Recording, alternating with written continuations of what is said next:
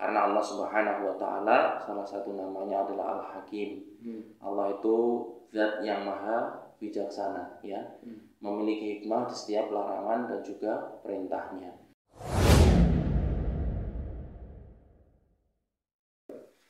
Assalamualaikum warahmatullahi wabarakatuh, Ustaz.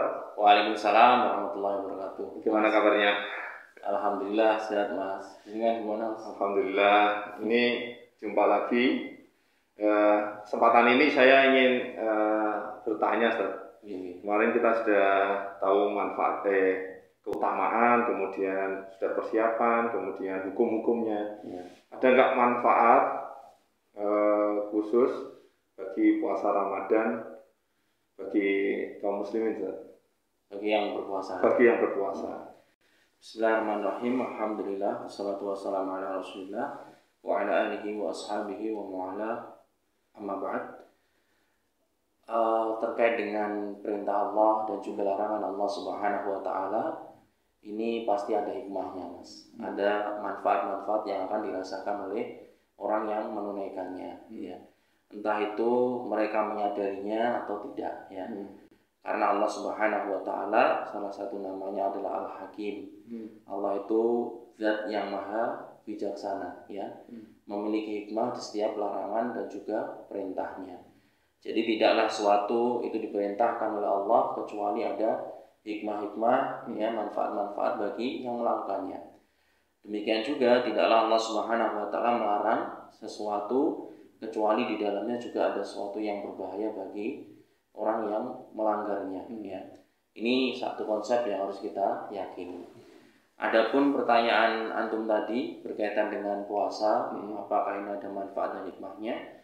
Ini sangat banyak sekali, ya sangat banyak sekali. Hmm. Orang semakin meneliti, semakin dia mendalami, semakin banyak sekali yang dia dapatkan.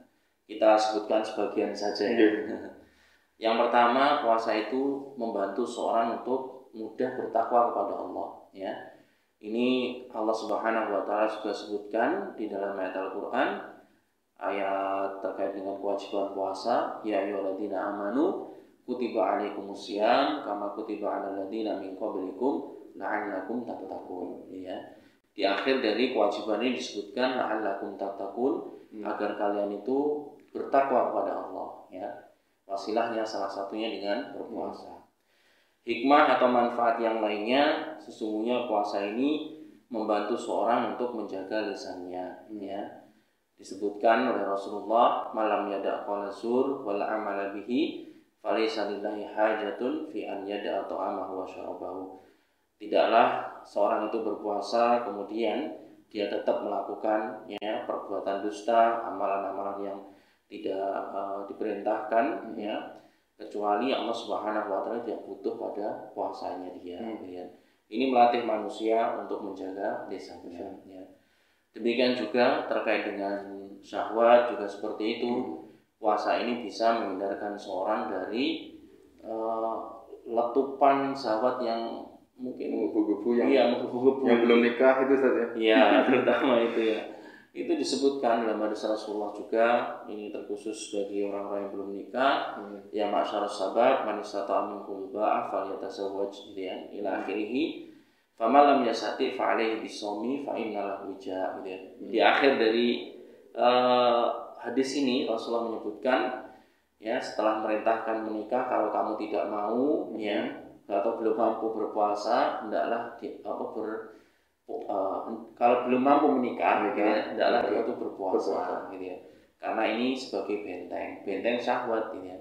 Jadi puasa ini juga bisa membentengi syahwat. Hmm. Demikian juga yang ini mungkin berita yang sangat mengembirakan bagi orang-orang terutama zaman sekarang puasa itu menyehatkan mas. Hmm. Ya. Artinya orang yang berpuasa mungkin kelihatannya lemas gitu ya, Iya, iya. makanya cuma dua kali tapi prakteknya ini menyehatkan ya seorang terhindar dari mungkin penyakit-penyakit yang dia tidak mengetahui dan itu eh, terasa sekali ya setelah orang itu berpuasa dan masih banyak sekali lah kalau Iya. misalkan kita gali hikmah dan juga manfaat puasa ini gitu. Kalau dilihat dari setahun kita kan makan terus, terus kita satu bulan Iya. istirahat.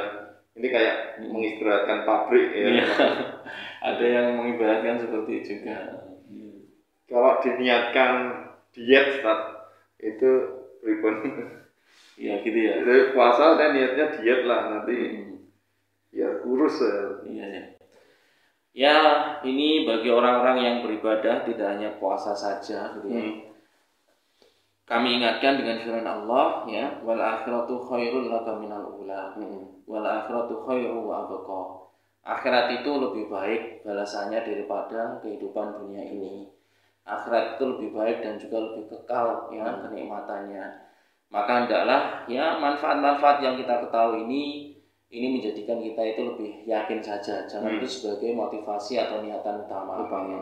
Niatan utama tetap akhirat, akhirat gitu ya. Itu yang harus kita tanamkan pada diri kita. Adapun hikmahnya ini pasti kalau seorang itu melakukan dengan benar syariat ini Hmm. sehatnya dapat pilihan dan semuanya seorang Bonus-bonusnya. kebaikan Ah, bonus-bonus dunia ini dia dapatkan ini. Masya Allah. Kalau di pengajian mungkin mbah kita dulu Hmm. Ibadah dan dunia itu seperti itu mas nanam padi sama ini ya kalau Hmm. nanam padi itu rumputnya itu ibadah dunia ya tumbuh Hmm. tapi kalau nanam rumput padinya belum padinya nggak dapet gitu ya. Jadi, jadi nampak. tenang saja orang yang beribadah insya Allah ifadillah yafadka jadi siapa saja yang menjaga syariat Allah pasti Allah itu akan menjaga orang yang menjaga syariat itu Masya Allah. Mungkin eh, bisa disimpulkan dari obrolan ringan ini Ustaz dari Oh iya, iya. Yang pertama ya Mas Sigit dan juga teman-teman yang mendengarkan semuanya, Mhm. kita harus yakin konsep ibadah yang Allah Subhanahu wa taala tetapkan ini apa pun ya yang diperintahkan oleh Allah Subhanahu wa taala pasti memiliki Hikmah. hikmah manfaat gitu ya yang mungkin disegerakan di dunia ini dan nanti pahala yang besar di akhirat. Itu nggak usah diragukan ya.